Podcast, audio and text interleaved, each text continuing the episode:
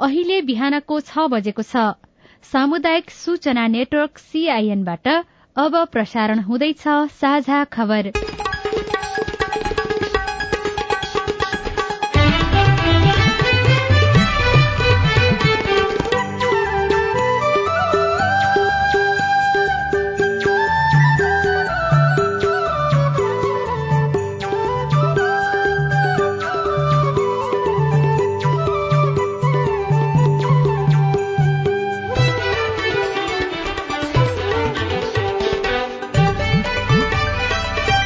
शुभ प्रभात यो सीआईएन को साझा खबर हो। अविनाश आचार्यसँगै लील प्रकाश चन्दको स्वागत छ। सामुदायिक रेडियोबाट देशैभरि एकैसाथ प्रसारण भइरहेको साझा खबर सीआईएन खबर डट कम र मोबाइल एप सीआईएनबाट पनि सुन्न सकिन्छ।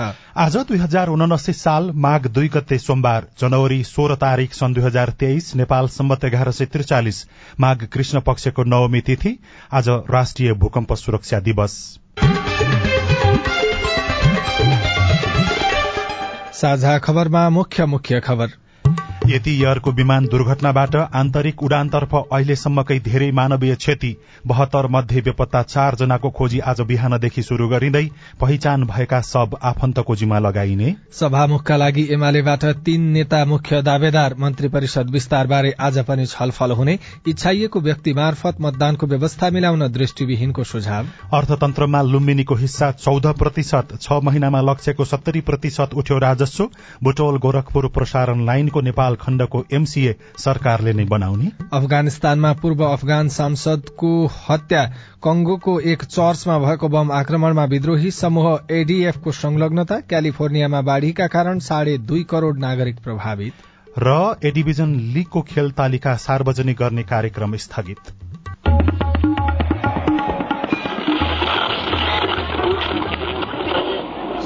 रेडियो।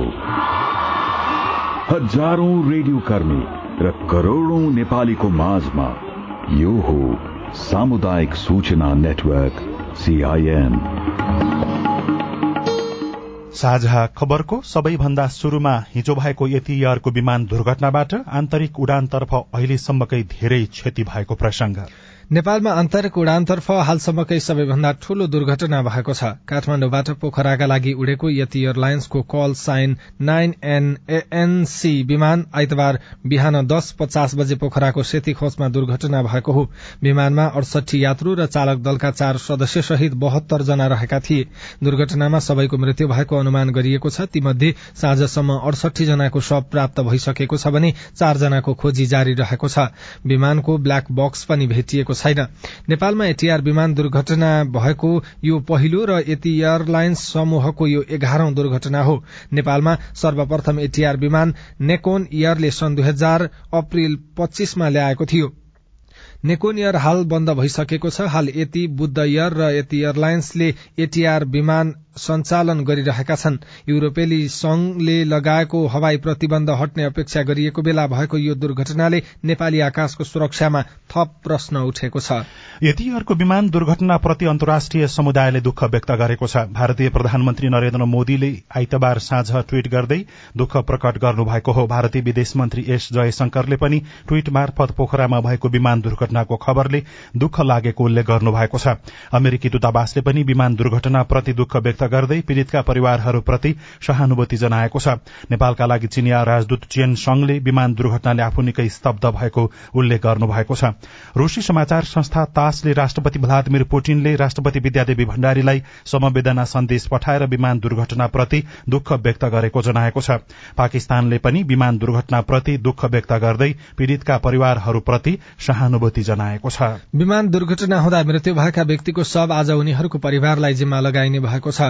पहिचान हुन नसक्ने अवस्थामा रहेका सब डीएनए जाँचका लागि आज काठमाण्डुमा पठाइने कास्कीका प्रमुख जिल्ला अधिकारी टेक बहादुर केसीले सीआईएनलाई जानकारी दिनुभयो। साथै दुर्घटनापछि हराइरहेका चारजनाको आज पनि खोजी गरिने उहाँले बताउनुभयो। सुरुमा रेस्क्युमै लाग्यौँ होइन? त्यसपछि अब जिउँदो हुन सक्ने स्थिति भएन अडसठीवटा चाहिँ लास हामीले पत्ता लगाइसक्यौँ। अब चारवटा मिसिङ छन् होइन? खोजी कार्य जारी छ।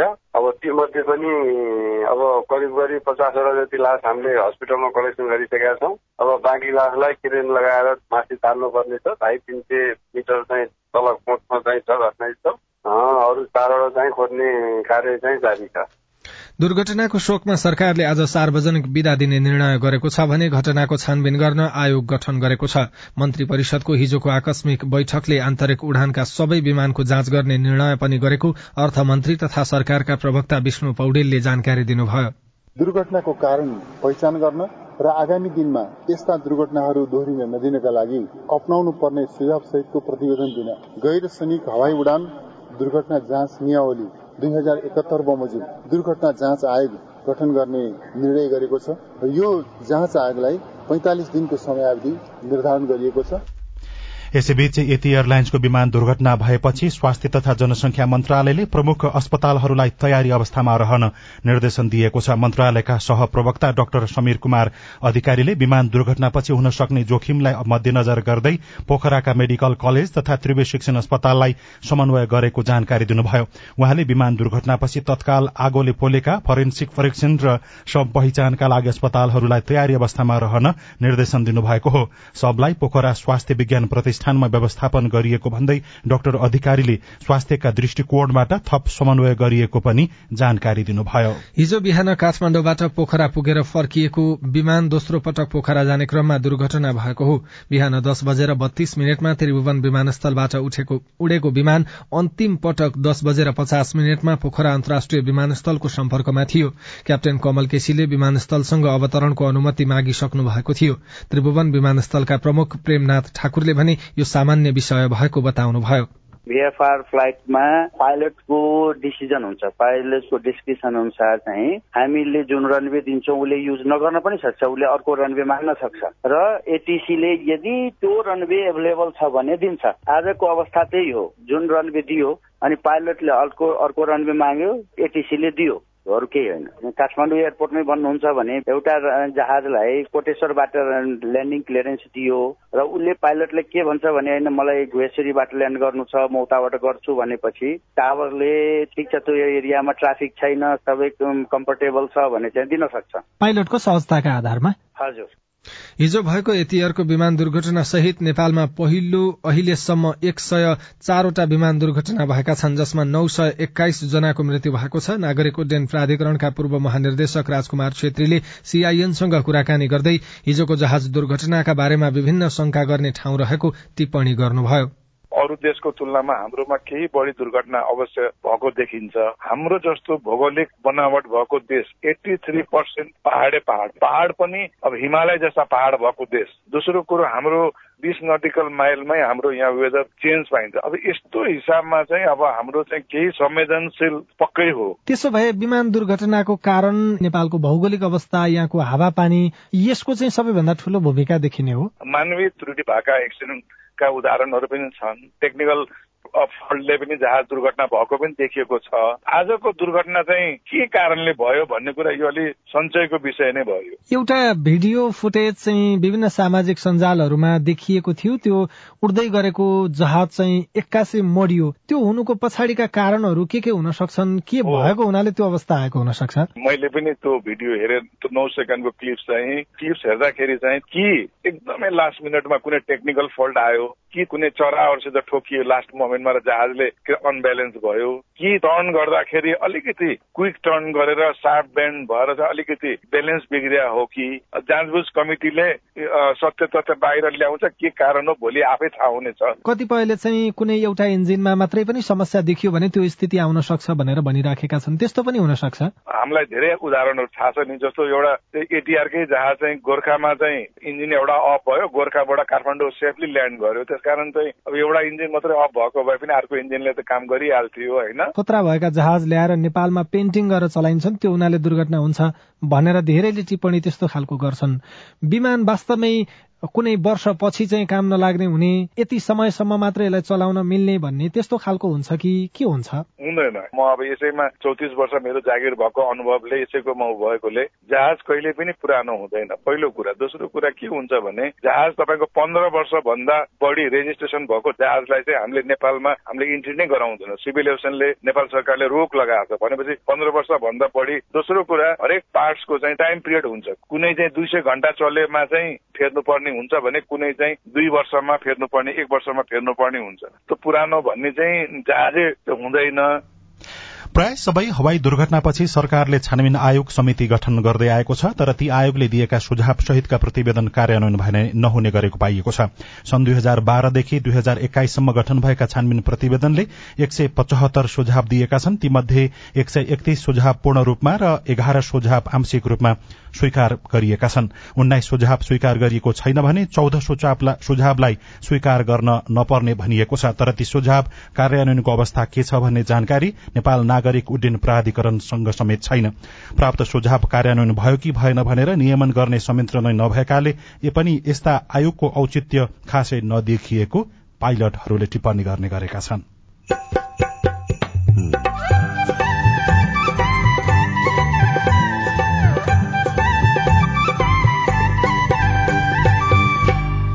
सामुदायिक सूचना नेटवर्क सीआईएन मार्फत देशभरि प्रसारणमा भइरहेको साझा खबरमा निर्वाचन प्रणालीमा सुधार गर्नुपर्ने दृष्टिविहीनहरूको माग।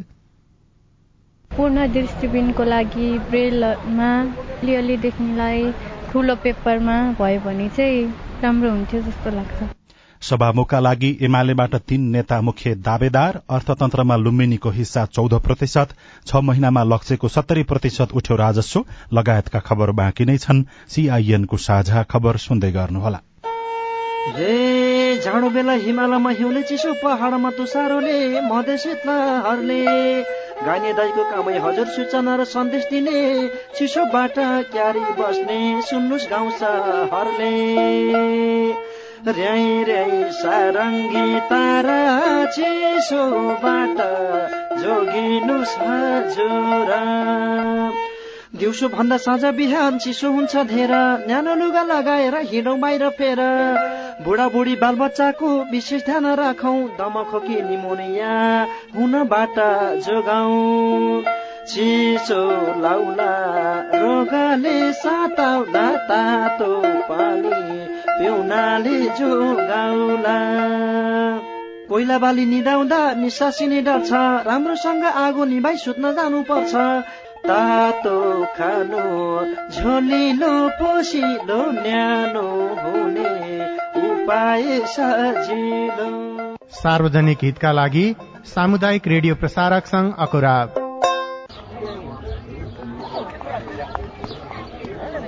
सबैलाई नमस्कार। अध्यक्ष उपाध्यक्ष सदस्य सबै पो आउनुभएछ त। हामी त विपद व्यवस्थापनमा जनप्रतिनिधिको भूमिकाकै बारेमा पो छलफल गर्दै थियौं। अनि के छ निष्कर्ष सुनौ न त? बाढ़ी पहिरो भूकम्प लगायतका विपदको समयमा महिलाका समस्या सम्बोधन गर्न पालिकाले अझ धेरै काम गर्न सक्छ भन्ने हाम्रो बुझाइरह्यो। विपद सम्बन्धी स्थानीय नीति कानून मापदण्ड बनाउने र कार्यान्वयन अनुगमन नियमनको अधिकार स्थानीय सरकारलाई छ। त्यसमा महिलाको पनि सहभागिता बढाउनु पर्यो। पालिकाको अध्यक्ष मै छु। पाएको अधिकार अनुसार हामी बनेको कानून कार्यान्वयन गर्ने अनि आवश्यक कानून बनाउने चरणमै छौ। अब तपाईँका सुझाव पनि समेटिन्छन् है।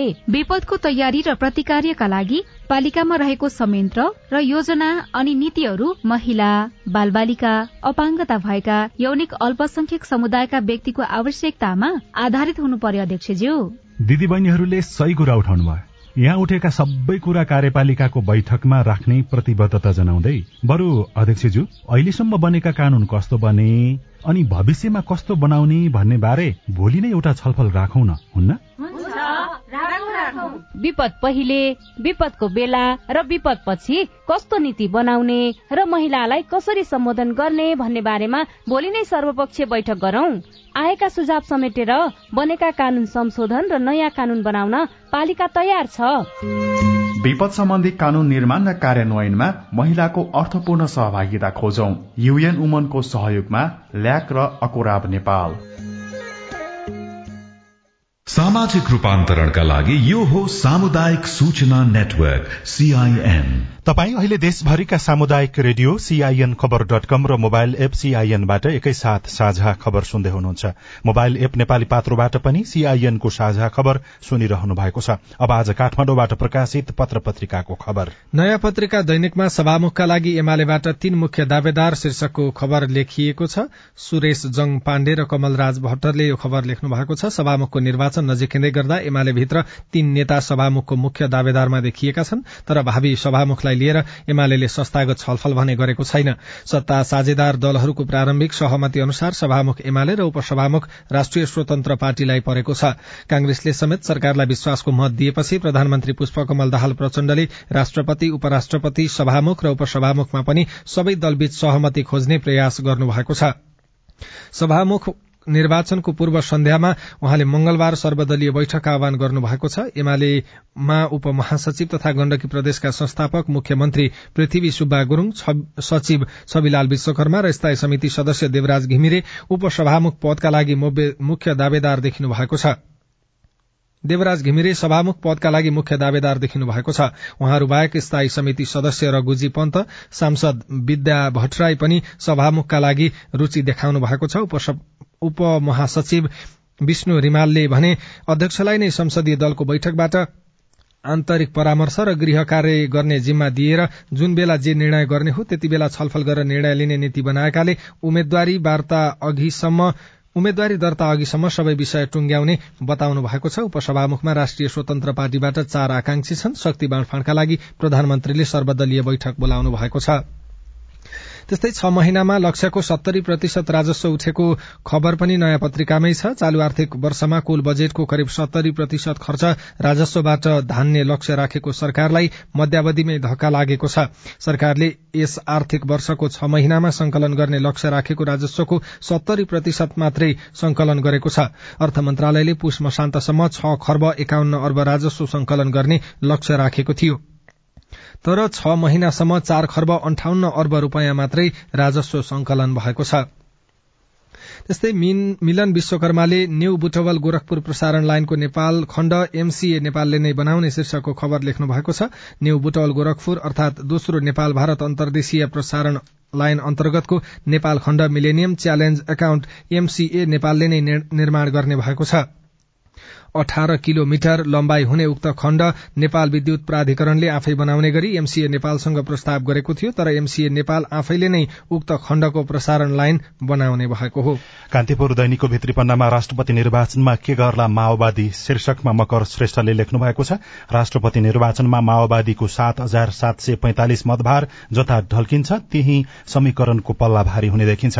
राष्ट्रपति निर्वाचन माघ अठाइस गते भित्र गरिसक्नुपर्ने भए पनि निर्वाचन आयोगले तयारी थालेको छैन। निर्वाचन मिति तोकेर त्यसको जानकारी सरकारलाई दिन सक्ने कानूनी प्रावधान भए पनि आयोगले मिति तोक्न छलफल समेत अहिलेसम्म गरेको छैन। हङकङ महिला आयोगमा नेपाली मूलकी सदस्य शीर्षकमा अर्को खबर छ। नेपाली मूलकी रीता गुरूङ हङकङको महिला आयोग सदस्यमा नियुक्त हुनुभएको छ। हङकङ नेपाली महासंघ र नेपाल क्लब हङकङकी अध्यक्ष गुरूङलाई आइतबारदेखि नै लागू हुने गरी गृह तथा युवा मामिला मन्त्रालय अन्तर्गतको उक्त आयोगमा जिम्मेवारी दिइएको हो। हङकङको उच्च सरकारी स्तरमा नियुक्त गुरूङ नेपाली मूलकी पहिलो महिला समेत हुनुहुन्छ। अर्को खबर रसुवागढ़ी खुल्यो। तातो पानी किन बन्द शीर्षकमा छ भने सेज भित्रका उद्योगलाई थप सुविधाको प्रस्ताव गरिएको खबर पनि उल्लेख गरिएको छ। फिरन्ते चराको घट्यो आगमन शीर्षकमा रमेश कुमार पौडेलले चितवनबाट लेख्नु भएको छ उत्तरी युरोपबाट चितवनसम्मको यात्रा गर्ने चखेवा खासै नघटे पनि कृषि प्रणाली परिवर्तनसँगै अन्य चराका प्रजातिको आगमन दर क्रमशः घट्दो देखिएको छ। गोर्खापत्र दैनिकमा अर्थतन्त्रमा लुम्बिनीको हिस्सा चौध प्रतिशत शीर्षकको खबर लेखिएको छ। मुलुकको कुल गारस्थ उत्पादनमा लुम्बिनी प्रदेशले चौध दशमलव एक प्रतिशत योगदान गरेको पाइएको छ। नेपाल राष्ट्र बैंकले सार्वजनिक गरेको आर्थिक वर्ष दुई हजार अठहत्तर उना अस्सीमा लुम्बिनी प्रदेशको आर्थिक गतिविधि अध्ययन प्रतिवेदनले यस्तो देखाएको हो। प्रतिवेदनले प्रदेशगत हिसाबले कुल गारस्थ उत्पादनमा लुम्बिनी तेस्रो ठूलो योगदानकर्ता बनेको देखिएको छ। अर्को खबर प्रचण्ड र ओली भेटवार्ता शीर्षकमा छापिएको छ। प्रधानमन्त्री मन्त्री पुष्पकमल दाहाल प्रचण्ड र नेपाल कम्युनिष्ट पार्टी एमालेका अध्यक्ष केपी शर्मा ओलीबीच मन्त्री परिषद विस्तारका सन्दर्भमा निरन्तर छलफल चलिरहेको छ। हिजो पनि उहाँहरूको बीचमा कुराकानी भयो। अस्ति भएका छलफलको अन्त्यमा नेताहरूले आजसम्ममा सरकारलाई पूर्णता दिने बारेमा सहमति बनेको बताएका थिए तर आज पनि सरकारलाई विस्तार गर्ने सन्दर्भमा प्रधानमन्त्री प्रचण्डले विभिन्न राजनैतिक दलहरूसँग औपचारिक तथा अनौपचारिक छलफल गर्ने प्रचण्डको निजी सचिवालयले जनाएको छ। बन्दरगाह नचलेपछि पार्किङ बनाइदै भनेर गोर्खापत्र दैनिकले खबर लेखेको छ। काठमाडौँको चोभारमा रहेको चोभार सुखा बन्दरगाहमा पार्किङ र गोदामस्थल बनाउन लागि छ। व्यापार सहजीकरण गर्न विश्व ब्याङ्कको सहयोगमा निर्माण भएको बन्दरगाह प्रभावकारी रूपमा सञ्चालनमा आउन नसकेपछि बन्दरगाहको पूर्वाधारलाई प्रयोगमा ल्याउन पार्किङ स्थल र गोदाम सञ्चालनमा ल्याउन लागि हो। आयात निर्यात सहजीकरण गर्ने उद्देश्यका सात गत चैत बाइस गतेदेखि औपचारिक रूपमा सञ्चालनमा आएको बन्दरगाह प्रभावकारी रूपमा सञ्चालन हुन सकेको छैन। साझा खबरमा अब प्रश्नोत्तर श्रृंखला सजना तिमल सिन्हाबाट। नमस्कार मेरो नाम हरिश तामी हो। हालसम्म मैले एस्ट्राजेनिको एउटा मात्र डोज लगाएको हुँदा के मैले बुस्टर डोज लगाउन मिल्छ? जवाफ दिँदै हुनुहुन्छ स्वास्थ्य तथा जनसंख्या मन्त्रालयका सहप्रवक्ता डाक्टर समीर कुमार अधिकारी। एउटा मात्रै खोप लगाउनु भएको छ भने तपाईँको खोपको मात्रा नै पुरा भएको छैन दोस्रो मात्रा अब अहिले लगाउनु भयो भने त्यो दोस्रो मात्राको रूपमा खोप हुन्छ र त्यसपछि मात्रै बुस्टर खोप लगाउने हुन्छ। नमस्कार म भरत चौलगाई कृतिपुरबाट बोलिरहेको छु। हाल मैले गण्डकी प्रदेशबाट सामाजिक अध्ययन निमावि तहमा चाहिँ भर्खरै मैले नाम निकालेको छु। म चाहिँ पूर्ण दृष्टिबिन व्यक्ति हुँ। मेरो कार्ड चाहिँ ख वर्गको छ। पहिला चाहिँ हाम्रो पदस्थापना गर्दाखेरि क र ख वर्गका व्यक्तिहरूलाई रोज्न दिने सुविधा रहे त्यो सुविधा अहिले चाहिँ रहेन रहेछ सर। अब हामीलाई सुगम क्षेत्र चाहिएको छैन तर कम्तीमा भौतिक सुविधा भएको क्षेत्रमा हामीलाई कसरी हामी पदस्थापना हुन सक्छौ? तपाईँको गुनासो सुनेपछि शिक्षा तथा मानव स्रोत विकास केन्द्रका सूचना अधिकारी सुरेश कुमार जोशी भन्नुहुन्छ। पहिले कुन जिल्लाबाट माग भएको छ कुन विद्यालयमा त्यसको चाहिँ माग भएको त्यही आधारले पदस्थापन हुन्छ होइन? र त्यसैले के हो भने त्यो पहिले माग कुन स्कुलबाट भएको हो त? त्यो चाहिँ मागको आधारमा सम्बन्धित निर्देशनालय र त्यो चाहिँ सम्बन्धित चाहिने हाम्रो शिक्षा विकास सम्बन्धी एकाइले जुन विद्यालयबाट पहिले माग आएको नि पनि माग आएको होला त्यही आधारमा चाहिँ पदस्थापन मेरो नाम राजेन्द्र रामदुहार गाउँपालिका तिन ब्रह्मदेव। समाजशास्त्र विषय पढेकोले दिन पाउँछ कि पाउँदैन? जिज्ञासा मेटाउँदै हुनुहुन्छ शिक्षक सेवा आयोगका सूचना अधिकारी सुदर्शन मरहट्टा। नेपाली र सामाजिक विषयमा जो चाहिँ अध्यापन अनुमति पत्र लिन चाहनुहुन्छ त्यस्ता व्यक्तिहरूले शिक्षा विषयमा कम्तीमा दस मिनट तालिम चाहिँ लिएको हुनुपर्छ र यदि लिएको छैन भने उहाँ उम्मेद्वार चाहिँ हुन सक्नुहुन्न नमस्कार म बाजिरा जिल्ला जगन्नाथ गाउँपालिका वार्ड नम्बर एकबाट नन्दबहादुर रोकाया बोलेको। मैले मावि तहको दुई हजार उनासी सालमा लाइसेन्स लिएको र अब खुलेको विज्ञापनमा मैले सामाजिक विषयमा उम्मेद्वार हुन पाउँछु कि पाउँदिन? तपाईँको प्रश्न पनि हामीले मरहट्टालाई नै सुनाएका छौँ। तपाईँले चाहिँ उनासी सालमा विज्ञापनबाट चाहिँ जुन विषय नखुलेको लाइसेन्स लिनु भएको छ भनेदेखि तपाईँ चाहिँ शिक्षक सेवा आयोगबाट प्रकाशित हुने विज्ञापनमा उद्धार बन्न सक्नुहुन्छ। तपाईँ जुनसुकै बेला हाम्रो टेलिफोन नम्बर शून्य एक बान्न साठी छ चार छमा फोन गरेर आफ्नो प्रश्न जिज्ञासा गुनासा अनि समस्या रेकर्ड गर्न सक्नुहुनेछ। साझा खबरमा अब विदेशको खबर। अफगानिस्तानको राजधानी काबुलमा एक पूर्व अफगान महिला सांसद मुर्सल नबीजादा र उहाँका एक अंगरक्षकको हत्या भएको छ। नबीजादाको आफ्नै घरमा गोली हानी हत्या भएको हो। नबीजादा अगस्त दुई हजार एक्काइसमा तालिबानद्वारा पदच्युत गरिएको संयुक्त राज्य अमेरिका समर्थित सरकारको संसद सदस्य हुनुहुन्थ्यो। प्रजातान्त्रिक गणतन्त्र कंगो सरकारले पूर्वी क्षेत्रमा रहेको पेन्टेकोस्ट चर्चमा भएको बम आक्रमणमा इस्लामिक स्टेट समूहसँग सम्बद्ध विद्रोहीहरू जिम्मेवार भएको बताएका छन्। आइतबारको उपासनाका क्रममा बम आक्रमण हुँदा दसजनाको मृत्यु भएको थियो भने उन्चालिस जना घाइते भएका थिए। र अमेरिकी राज्य क्यालिफोर्नियामा आधी तुफानसँगै आएको बाढ़ीका कारण यस साता दुई करोड़ पचास लाख भन्दा बढ़ी सर्वसाधारण प्रभावित भएका छन्। क्यालिफोर्नियाका थुप्रै क्षेत्र डुबानमा परेका छन् भने उन्नाइस जनाको मृत्यु भएको छ। जोखिम बढ़दै गएपछि स्थानीय प्रशासन तथा निकायहरूले घर छाडेर अन्यत्र सुरक्षित स्थानमा जान प्रभावितहरूलाई निर्देशन दिएका छन्। साझा खबरमा अब खेल खबर। साहित्य स्मारक ए डिभिजन लीग फुटबल प्रतियोगिताको खेल तालिका आज सार्वजनिक नहुने भएको छ। अघिल नेपाल फुटबल संघ इन्फाले लीगको तालिका आज सार्वजनिक गर्ने तयारी गरेको थियो तर हिजो एक सूचना जारी गर्दै खेल तालिका सार्वजनिक गर्ने कार्यक्रम अनिश्चितकालका लागि स्थगित गरिएको जनाइएको छ। कप्तान सीता राणा मगरको अलराउण्ड प्रदर्शन प्रेरित एपीएफ क्लब पाँचौं प्रधानमन्त्री कप महिला ट्वेन्टी ट्वेन्टी राष्ट्रिय क्रिकेट प्रतियोगितामा लगातार दोस्रो सफलतासहित सेमी फाइनल नजिक पुग्दा मध्य प्रदेशले पनि कर्णालीमाथि जित निकाल्दै अन्तिम चारको सम्भावना जीवितै राखेको छ। घरेलु टोली मकवानपुर एघारलाई निराश बनाउँदै ए डिभिजन क्लब संकटा मकवानपुरको बागमतीमा जारी पाँचौं राष्ट्रिय बागमती गोल्ड कप फुटबल प्रतियोगिताको फाइनलमा प्रवेश गरेको छ। हिजो भएको खेलमा संकटाले मकवानपुरलाई दुई शून्यले हराएको हो। र एमबीसी युथ ट्वेन्टी ट्वेन्टी पुरूष तथा महिला बक्सिङ च्याम्पियनशीपमा सहभागी हुन छ खेलाड़ी सहित बाह्र सदस्यीय नेपाली टोली सोमबार आज थाइल्याण्डको बैंकक प्रस्थान गर्दैछ। जनवरी सोह्रदेखि सत्ताइस तारीकसम्म हुने प्रतियोगितामा समान तीन पुरूष महिला खेलाड़ीले नेपालको चुनौती प्रस्तुत गर्नेछन्। पुरूष छयालिसदेखि अडचालिस केजीमा लाल प्रसाद उप्रेती चौन्नदेखि सन्ताउन्न केजीमा इन्द्र बहादुर सुनार र अस्सीदेखि छयासी केजीमा विजय बाटाले प्रतिस्पर्धा गर्नुहुने भएको छ। इच्छाइएको व्यक्ति मार्फत भोट हाल्न पाउनुपर्ने दृष्टिविहीनहरूको जोड अरू खबर र कार्टुन पनि बाँकी नै छ। सीआईएनको साझा खबर सुन्दै गर्नुहोला। होइन के सुनेको यस्तो ध्यान दिएर दोहोरो बोलेको जस्तो नि देख्दिन। तिन दुई एक शून्य शून्य क्या? तिन दुई एक शून्य शून्य? के हो त्यो भने? बुझिन त। ल सुन एनटिसी प्रयोगकर्ताहरूले आफ्नो मोबाइल तथा ल्यान्डलाइनमा तीन दुई एक शून्य शून्य डायल गरी समाचार रेडियो कार्यक्रम खेल र अन्य विषय बारे सन्देशहरू जुनसुकै बेला निशुल्क सुन्न सक्छन्। ओहो निशुल्क? कस्तो सजिलो। समाचार सुन्न छुट्यो भनेर पिर लागेको थियो। अब त म पनि सुनिहाल्छु। कति रे? तिन दुई एक शून्य शून्य। सामाजिक रूपान्तरणका लागि यो हो सामुदायिक सूचना नेटवर्क सीआईएन साझा खबरमा अब मतदानको व्यवस्था सच्याउनु पर्ने विषयको कुरा। नयाँ संविधान दुई हजार बहत्तर जारी भएपछि संघ प्रदेश र स्थानीय तहको दोस्रो कार्यकालका लागि निर्वाचन भइसकेको छ। स्थानीय जनप्रतिनिधिले छ महिना पूरा गरिसकेका छन् भने प्रदेश र संघीय सरकारले पूर्णता पाउने चरणमा छन्। उपनिर्वाचन भएको अवस्थामा बाहेक नागरिकले मतदानका लागि पाँच वर्ष पर्खनुपर्छ। अहिलेको निर्वाचनको व्यवस्थाबाट दृष्टिविहीन नागरिक भने सन्तुष्ट छैनन्। कहिलेकाहीँ देखाएर भोट हाल्नु पर्ने स्थिति पनि आउँछ। मैले त्यतिसम्म पनि गरेको छु। आफूले इच्छाएको व्यक्तिलाई लगेर भोट हाल्ने गरेको छु मैले चाहिँ। राजनैतिक दलमा आस्था राख्ने गोर्खाका टेकनाथ नेउपानेले अहिलेसम्मका निर्वाचनमा आफूले इच्छाएको व्यक्ति मार्फत नै मतदान गर्दै आउनु भएको छ।